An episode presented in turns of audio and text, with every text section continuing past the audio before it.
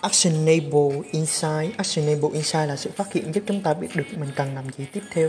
Ví dụ một insight là Nhung và Sang đã tìm được tỷ lệ phụ nữ không nhận được sự quan tâm và thấu hiểu từ người thân, đặc biệt là người chồng, là khá cao. Hầu hết mọi người quan tâm nhiều đến dinh dưỡng mà bỏ quên tinh thần, dẫn đến việc các bà mẹ bị trầm cảm nhưng gia đình không biết. Số liệu cũng chỉ ra rằng 60% phụ nữ có mối quan hệ xấu với chồng bị trầm cảm sau sinh. Con số này chỉ có 4,5% những phụ nữ có mối quan hệ tốt trong gia đình.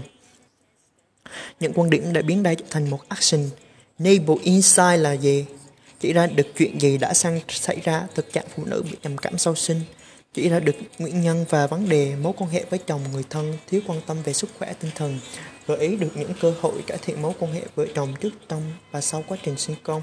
Nâng cao nhận thức của những người xung quanh về sức khỏe và tinh thần cũng như trong dinh dưỡng trong trường hợp này, Actionable Insight giúp chúng ta xây dựng định hướng và feature set cho một sản phẩm mới.